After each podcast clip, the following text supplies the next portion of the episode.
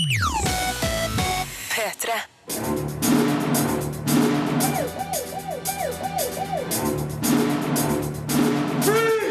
Filmpolitiet! What's your name, dude?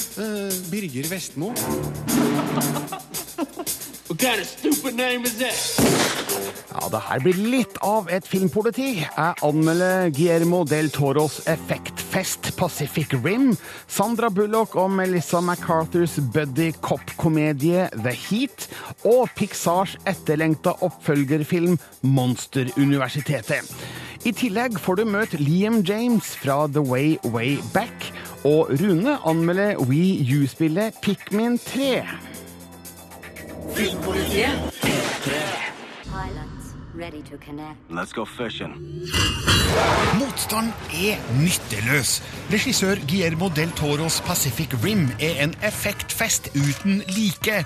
En maktdemonstrasjon av hva som er mulig å visualisere, og et veritabelt angrep på dine sanser, som kroppen husker lenge etter at den vakler glad og fornøyd ut av kinosalen.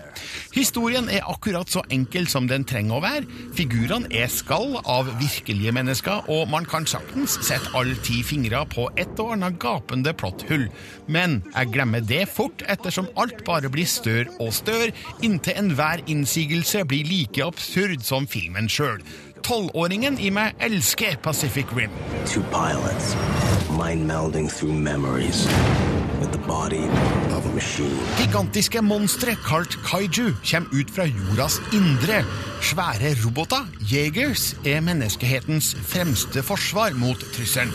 Rally, spilt av Charlie Hunnam, er en av jegerførerne, men opplever et personlig tilbakeslag, samtidig som robotprogrammet blir nedlagt til fordel for andre forsvarstaktikker.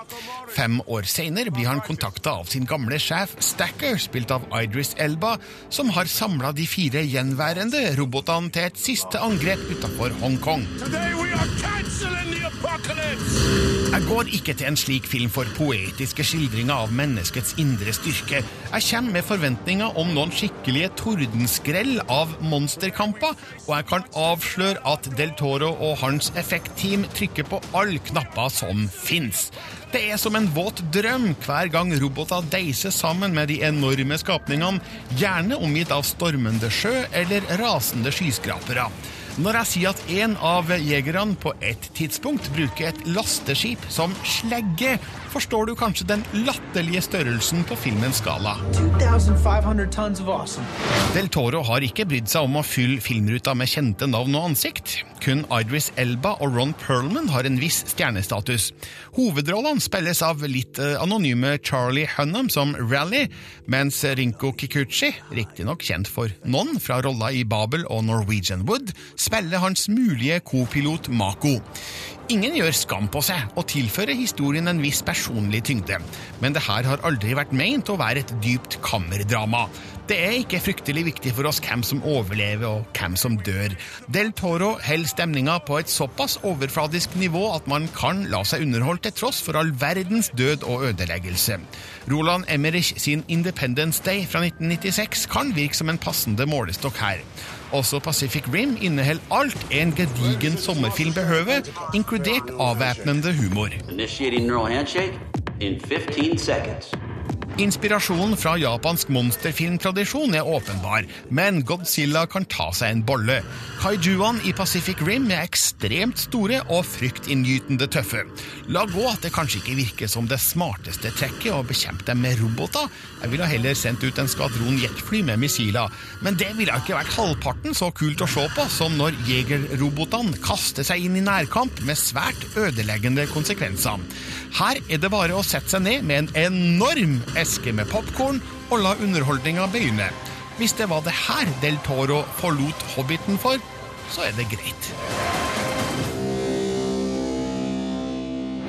Dette er Filmpolitiet på P3.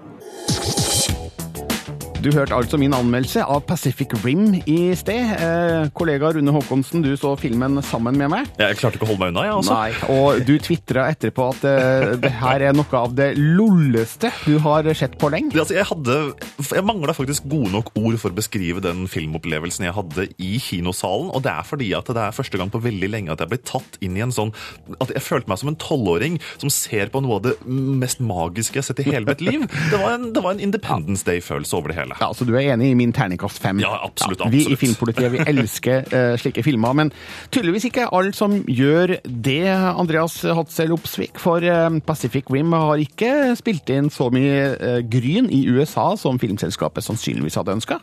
Nei, det kan tyde på at eh, jeg vet ikke, folk i USA kanskje ikke helt De skjønte ikke helt hva type film det her var, da, tror jeg kan være en del av det. Ja, De har jo spilt inn knappe altså, i underkant av 90 millioner dollar. Og når filmen, lite penger, da, skal sies si. Men altså, filmen kosta 190 millioner dollar, da, så at, uh, det, det er ikke veldig mye. Men heldigvis så går det jo litt bedre på de internasjonale markedene for Guillermo del Toro. Ja, det spekuleres i at uh, kanskje PR-kampanjen i USA var noe feilslått og misvisende. Ja, absolutt. Og jeg, jeg tror da at eh, jeg ser ikke helt, klarer ikke helt å se for meg hva slags film folk eventuelt skulle ha trodd at det her var, for det ser jo bare ut som en, ja, en film der gigantiske monster slåss mot gigantiske roboter. Men, uh, Og, og, og det leverer filmen i bøtter og spann, og, og, altså. og det klarer den da tydeligvis, ifølge dere.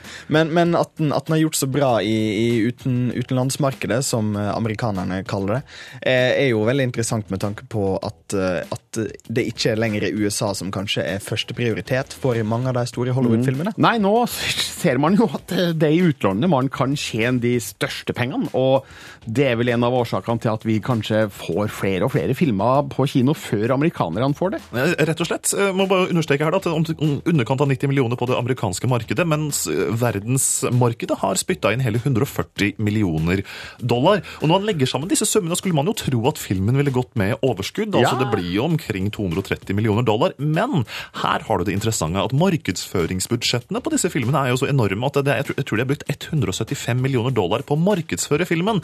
Den går jo fortsatt med dundrende tap, og det er jo fascinerende også da opp mot nettopp det at den rett og slett kanskje har en forfeila markedskampanje. Men nå har ikke Pacific Rim åpna over hele verden ennå, så det er flere markeder igjen. Så den kan nok tjene inn eh, det den har kosta. Og så må du huske Blu-ray og DVD-salg, som utgjør en stor del av Og det. jeg, og jeg krysser fingrene akkurat nå for at det kommer en oppfølger, for det hadde jo vært eh, veldig veldig kult. da. Del Toro har jo i hvert fall hinta frampå at de har gravd litt i historier og måter å fortsette historien på, uten at jeg skal gå inn i nøyaktig de detaljene, men jeg håper jo at det skjer, da. Ja, Ifølge deadline.com, som er et ganske anerkjent nettsted, så er det nå mulig at det skal komme en oppfølger til Pacific Rim, siden den går så godt i utlandet. og Det ønsker vi vel velkommen, dere. Ja, selvfølgelig. Og, og en, kanskje en av de ryktene som har kommet da, om den eventuelle oppfølger, at den skal fokusere litt mer på Kina, nettopp også kanskje fordi at Kina er en av de virkelig fremadstormende kinomarkedene i verden. Så det kan jo være en god og kanskje ganske smart eh, beslutning. Ønsker vi det velkommen, Andreas? Eh, store monster som slåss mot store roboter. Eh, ja takk. Nei, Ja takk, mer, mer. Filmpolitiet Filmpolitiet presenterer Tre nye Avatar-filmer skal produseres i det som ganske sikkert blir tidenes dyreste filmprosjekt. Det har vært kjent fra før at eh, regissør James Cameron forbereder Avatar 2, men nå har han og filmselskapet 20th Century Fox også annonsert Avatar 3 og 4. Flere manusforfattere er allerede henta inn for å ferdigstille manusarbeidet Cameron har påbegynt. Josh Friedman på toeren, Rick Jaffa og Amanda Silver på treeren, mens Shane Salerno skal skrive på fireren. Produksjonen starter neste år. Og alle filmene produseres simultant, med planlagt release i 2016, 17 og 18. Scarface skal spilles inn på nytt med David Yates som regissør, mannen bak de fire siste Harry Potter-filmene. Historien om Scarface er fortalt før, men den nye skal skille seg fra både 1932-versjonen med Paul Mooney og den mer kjente 1983-utgaven med Al Pacino i hovedrollen. Ingen detaljer om historien er kjent, men det er trolig at handlinga flyttes til moderne tid, og at både, både etnisitet og geografisk utgangspunkt endres. I 1932 handla det om illegal spritsmugling, i 1983 om store mengder narkotika, mens i 2014 kan det sikkert dreie seg om hva som helst. En annen såkalt reboot av The Mummy har nettopp mista sin regissør. Men jeg feller ingen tårer, for det dreide seg om Len Wiseman, som har takka for seg regissøren av eh, middelmådige filmer som Live Free Die Hard og nyinnspillinga av Total Recall. Årsaken skal være en tidsmessig konflikt i forhold til et TV-prosjekt han også er involvert i. Produsentene er Alex Kurtzman og Robert Orkey, som bl.a. har de nye Star Trek-filmene på samvittigheten. Og det er venta at de annonserer en ny regissør med det første, så enten du vil eller ei, så ja, det kommer en ny The Mummy-film på kino, kanskje allerede neste år.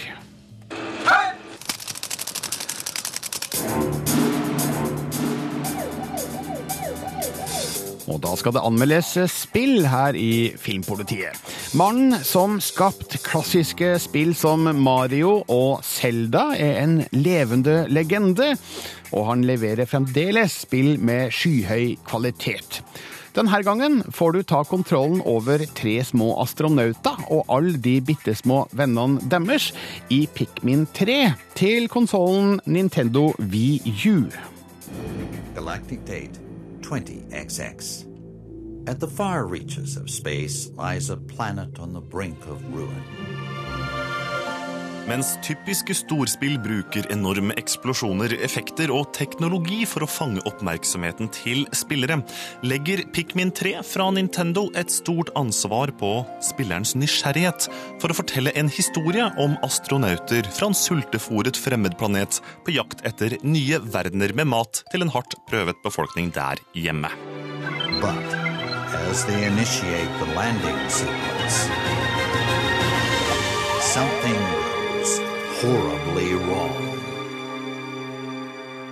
Den fremmede planeten de tre astronautene kommer til, Alf, Brittany og Charlie, er først ganske fremmed. Men for deg som sitter og spiller Pikmin 3, ser det hele meget kjent ut. Maten de tre små astronautene på størrelse med maur er på jakt etter, er nemlig jordisk frukt. Appelsiner, jordbær, moreller og andre kjente planter er nemlig å finne overalt i spillverdenen til Pikmin 3. Det er vakkert å utforske, og minner meg kanskje mest om bakhagen der jeg vokste opp. Og akkurat minnene om barndommen er spillskaper Shigeru Miyamotos hovedpoeng i Pikmin-spillene. Han har i flere intervjuer fortalt at han er inspirert av sine egne barndomsminner.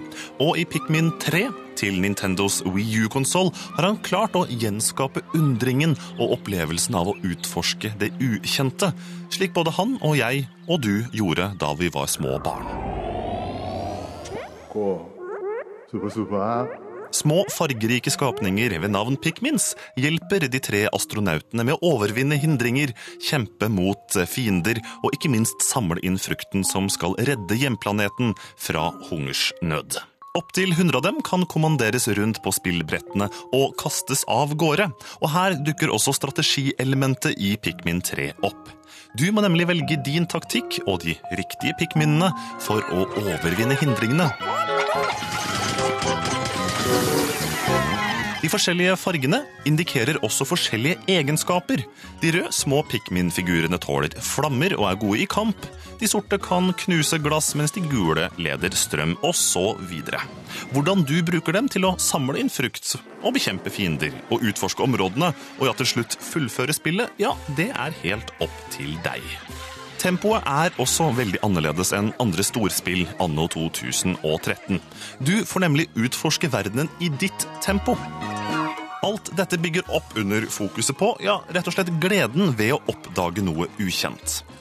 Det gjør også at Pikmin 3 byr på spennende opplevelser for både barn og voksne, og gjerne sammen. Spillet aktiverer helt andre følelser enn de store blockbuster-spillene hvor skytevåpen og eksplosjoner er i fokus.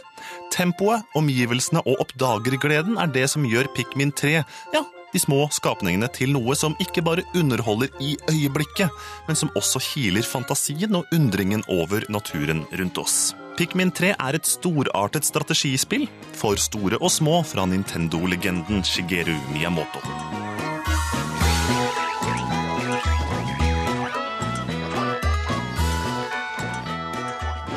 Dette er Filmpolitiet på P3. NRKs eh, spillanmelder Rune Haakonsen gikk altså rett i barndommen i spillet Pikmin 3 og triller terningkast 5. Du kan gå inn på p3.no Filmpolitiet og lese mer eh, om eh, spillet, og se videoklipp fra det. Du kan også lese hvordan Nintendo sliter litt med sin nye konsoll VU. Forgjengeren Nintendo Wii selger faktisk fremdeles mer. p3.no slash filmpolitiet er nettstedet, altså. P3.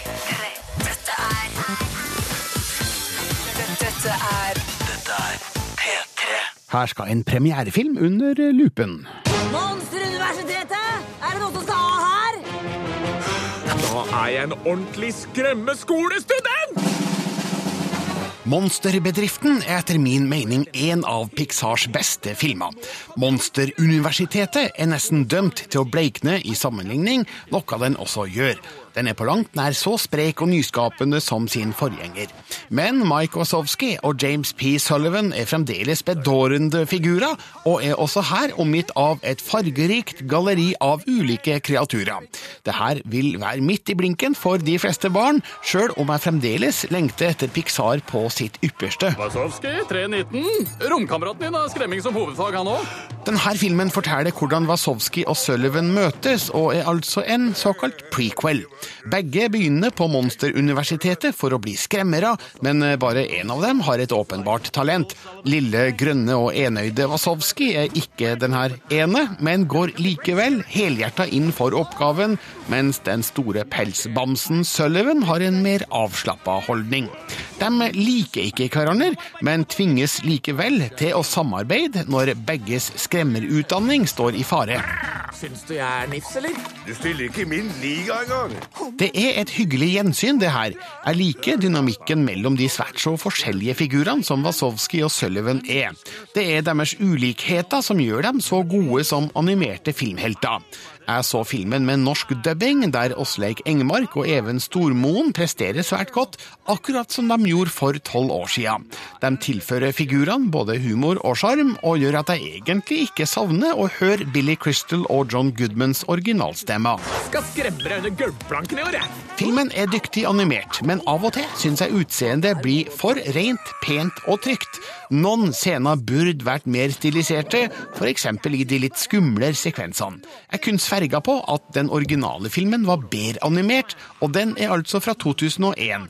Tolv år er et kvantesprang i animasjonsteknologi, men tydeligvis ikke når det gjelder kreativ evne og vilje.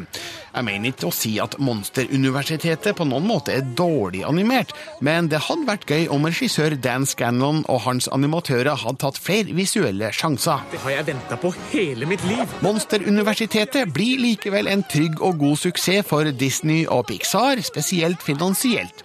Og jeg ville ikke vært denne filmen foruten. Dette er solid underholdning for barn i all aldre, men jeg får litt for ofte følelsen av at filmen vinker tilbake til forgjengeren. Den burde passe seg for å minne oss på monsterbedriften, fordi den er fantastisk på de fleste fronter. Monsteruniversitetet er i store hermetegn bare god. Vil noen ha tyggegummi? Bare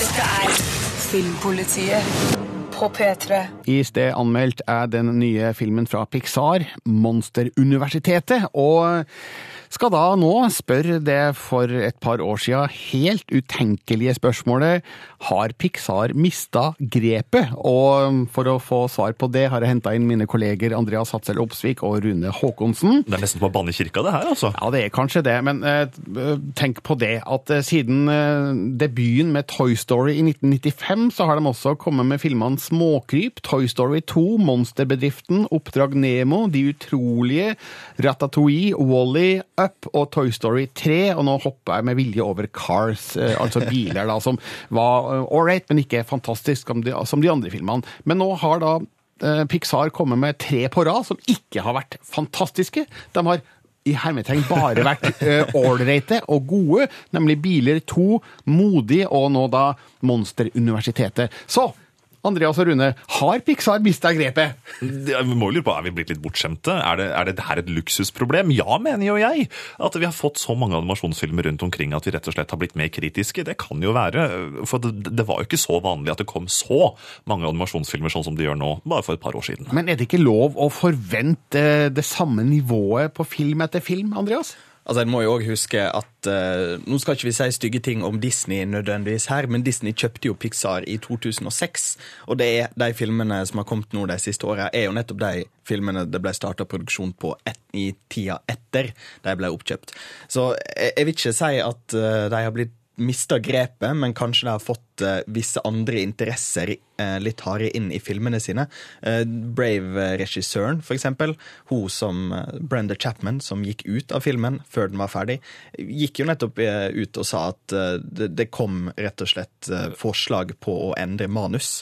Altså, det, Som- kom, det kom ordre ovenfra, rett og slett. Ja, som, som for da for å enten kaste inn en, en funny sidekick osv. og så videre. Men, men, men jeg, må, jeg må si at jeg er jo helt enig med deg, Birger, at man må jo kunne forvente samme høy kvalitet hele veien. Så at det er jo ikke en unnskyldning på noe som helst vis fra, fra da Pixar slash Disneys side at dette har skjedd. Nei, for vi liker jo Pixar aller best når de tar sjanser, og det har de jo gjort gjentatte ganger. For eksempel med Wall-E, som jo, eh, hvis man bare hører beskrivelsen, ikke høres ut som en kassasuksess akkurat. Det er ingen som snakker de tre første kvarterene. Hva er det slags tullete barnefilm, liksom? Nei, men er det nå da slik at eh, de ikke tør å ta de store sjansene lenger, nå som de eies av Disney, og det er da store forventninger om penger i kassa? Det er interessant å se at en av de filmene som de kommer med nå først, er Disney, altså ikke Pixar. Det er, det er jo oppfølgeren til nettopp Cars, den som heter Planes. Med andre ord en oppfølger. Og så kommer de jo med Finding Nemo 2, også en oppfølger. Så det virker som de satser på de litt mer tryggere kortene istedenfor å gå til de originale ideene. Men Andreas, alt er ikke like kølsvart når det gjelder fremtida?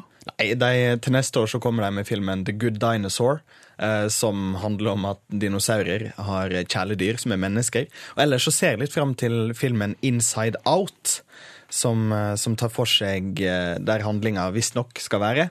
eh, At eh, en, en ser verden gjennom tankene til ei lita jente. Ja, og det er Pete Doctor som har regien på den, mannen som også hadde regien på Monsterbedriften og Up, så det kan jo borge for kvalitet.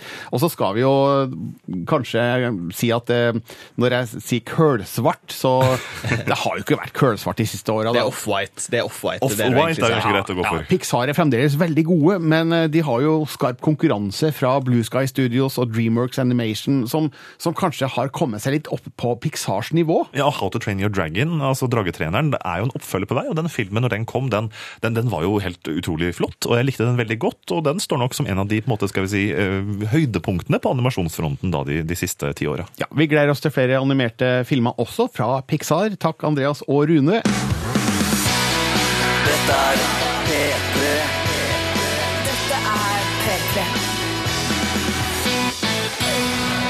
Og her skal jeg anmelde premierefilmen The Heat. I'm Special Agent Sarah Ashburn. Are you about to be interrogated by an officer? I am an officer, and that's my perk. Det er filmer som det her som får meg til å savne 1980-tallet, for da visste man hvordan en skikkelig buddy cop-film skulle lages. Det er ikke helt bortkasta å oppleve Sandra Bullock og Melissa McCarthy som motvillige partnere i 2013, men til tross for en viss underholdningsverdi er ikke The Heat akkurat dødelig våpen. Humoren sliter med å være morsom, og når vi av og til får servert actionscener, er de for korte og veike. The Heat oppnår aldri den temperaturen som tittelen lover. Ashburn, spilt av Sandra Bullock, er den detaljfikserte FBI-agenten som følger et spor til Boston. Dermed blander hun seg inn i sakene til den røffe politietterforskeren Mullins, spilt av Melissa McCarthy. De må motvillig samarbeide for å knekke en hensynsløs narkoboss. Men personlighetene deres er svært ulike, noe som fører til mange humoristiske forviklinger. They're spanks. They're spanks. Vi har sett mange slike filmer. Det som kanskje gjør The Heat litt annerledes, er at det handler om to kvinner, men både Ashburn og Mullins har lett gjenkjennelige trekk fra andre buddy cop-filmer. Den ene følger boka, er pent kledd og er detaljfiksert. Den andre er ufin, bøllete og brautende. Men her kommer en avsløring som egentlig ikke er mye til avsløring. De finner likevel ut at de har mer til felles enn de først hadde trodd. Så The Heat følger sjangerens konvensjoner rimelig tett. You're smart and you're intuitive, and you're the best cop I've, ever worked with. Oh. Jeg hadde likevel problemer med å le av filmen. Mye av humoren føles anstrengt. Det kan virke som om regissør Paul Feig, kjent for Bridesmaids, har stort på at krasjet mellom Bullock og McCarthys figurer er nok. Men Katie Dippolds manus virker litt slapt. Jeg får følelsen av at spesielt McCarthy forsøker å improvisere frem latter, men jeg lo litt for sjelden under visninga. Og når det endelig blir litt action, er det slappe saker. Tidligere i filmen blir vi presentert for Mullins sitt imponerende våpenskap. Vi får òg en montasje der de to bevæpner seg i beste kommandostil, men ingen av de store gønnerne blir brukt. Oh my God. You said nothing crazy, no, no, no, no. Nå har jeg kritisert The Heat både for manglende humor og action, men filmen er likevel ikke en ren krise. Det fins scener mellom Bullock og McCarthy der kjemien faktisk fungerer. Filmen har et hjerte bak humorfasaden, men regissør Paul Feig burde tråkka hardere på gassen for at det her skulle kunne blitt en kvinnelig dødelig våpen.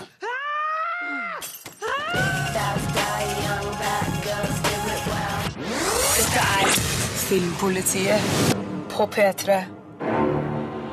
Filmpolitiet presenterer Chris Evans er travel med å være superhelt. Captain America 2 kommer i høst, og snart går han i gang med innspillinga av The Avengers Age of Ultron. Men i mellomtida rekker han å debutere som regissør.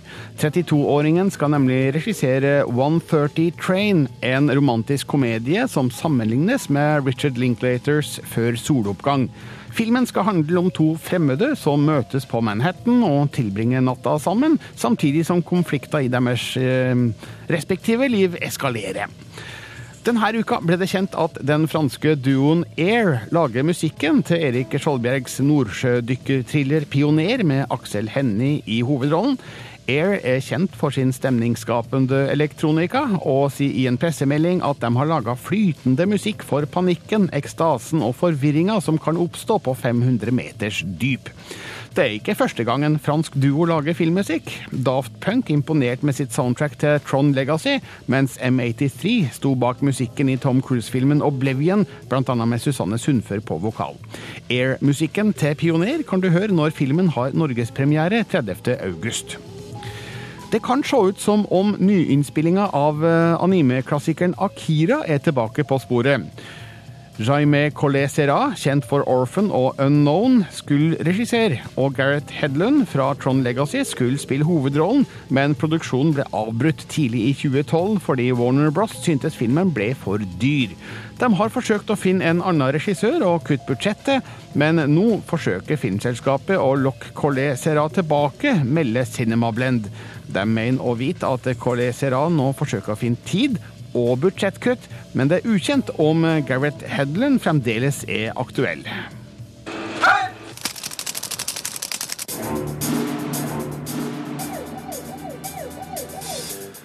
Straks 17 år gamle Liam James har allerede hatt rolla i filmen 2012 og TV-serien The Killing. Akkurat nå kan du se han på norske kinoer som hovedrolleinnehaver i The Way Way Back. Her spiller han den sjenerte og utilpasse 14-åringen Duncan, som motvillig må tilbringe ferien med mora og hennes nye kjæreste, men får sommeren forandra når han møter en lokal helt, spilt av Sam Rockwell. Jeg har snakka med Liam James på telefon om hans rolle i The Way Way Back. There's a message in the skies and in the streets. Heads up, buddy. You need to wear that. Mom, why do I have to wear this? Nobody else does. Sexier, huh? Something like that. It's like spring break for adults. My first question is um, you're turning 17 in a few weeks. Is that correct?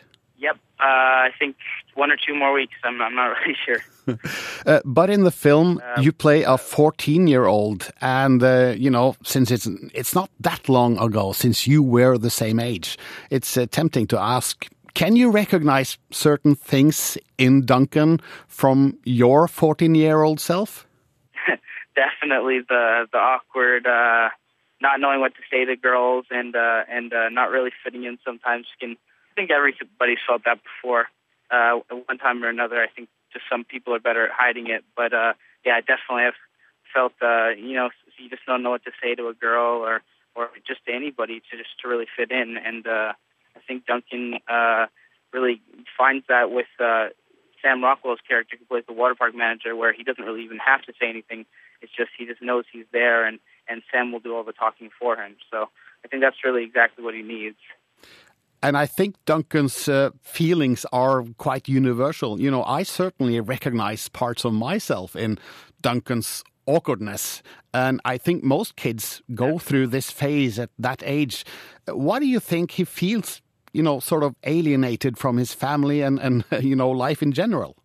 Well, I, I, I think everyone on at the where they are at the beach is kind of going through a transition right now where they're all just kind of exploring new chapters of their life. Like uh, some of the other girls at the beach are are uh, are they're all doing their own thing, and and really the fact of the matter is the people at the beach where Duncan is, they're they're not really like the right people he should be hanging out with, really anyway, because the they're they're so, they're being so mean to him, uh, and uh, Steve Carell's character definitely doesn't want him there, and and he's trying to have his summer alone with with Duncan's mom, but Duncan's fighting for his mom's attention. So I think it's a really hard situation, and I think a lot of people can go through those kind of situations in their life, and I think it's important to have good people there to get you through it.